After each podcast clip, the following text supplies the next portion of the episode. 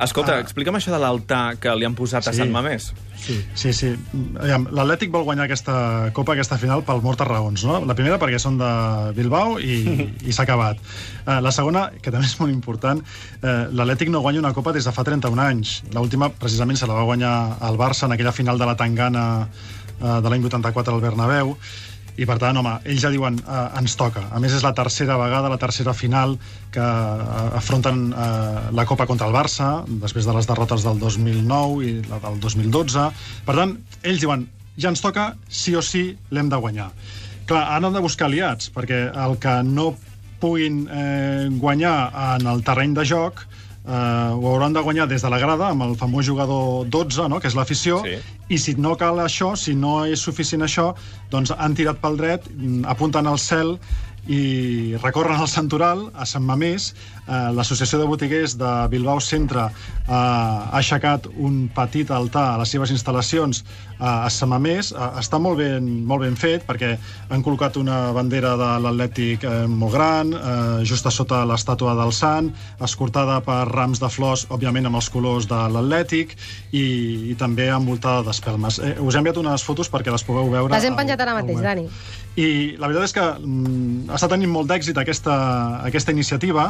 Nosaltres la vam anar a visitar, vam anar a visitar ahir a l'altar i vam parlar amb la, amb la creadora, amb, amb la idea, la, la que ha originat a, a aquest altar, l'Olga Zulueta, que és una apassionada de l'Atlètic. Ara l'escolteu.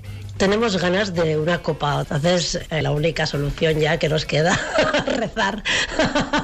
La gente viene a rezar, sí, sí, a mí me sorprende, gente joven, gente mayor, con su pareja, con sus hijos, se arrodillan y rezan. Por favor, Samames, haznos ganar. Hay gente que dice que alguien en el equipo de Barcelona que tenga una gastroenteritis o alguna cosa, para que estemos flojos.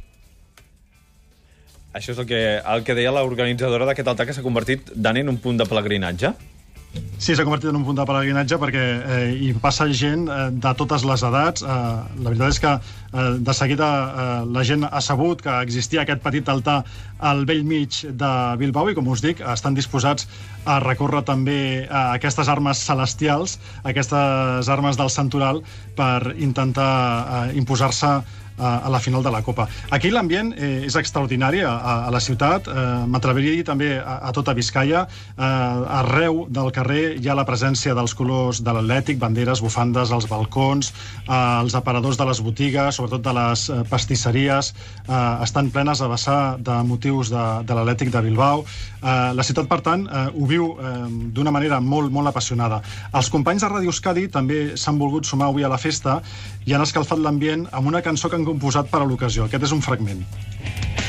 Messi, Neymar y Suárez igual. El sábado se van a enterar que es defender y que es atacar y que es tener todo un pueblo detrás.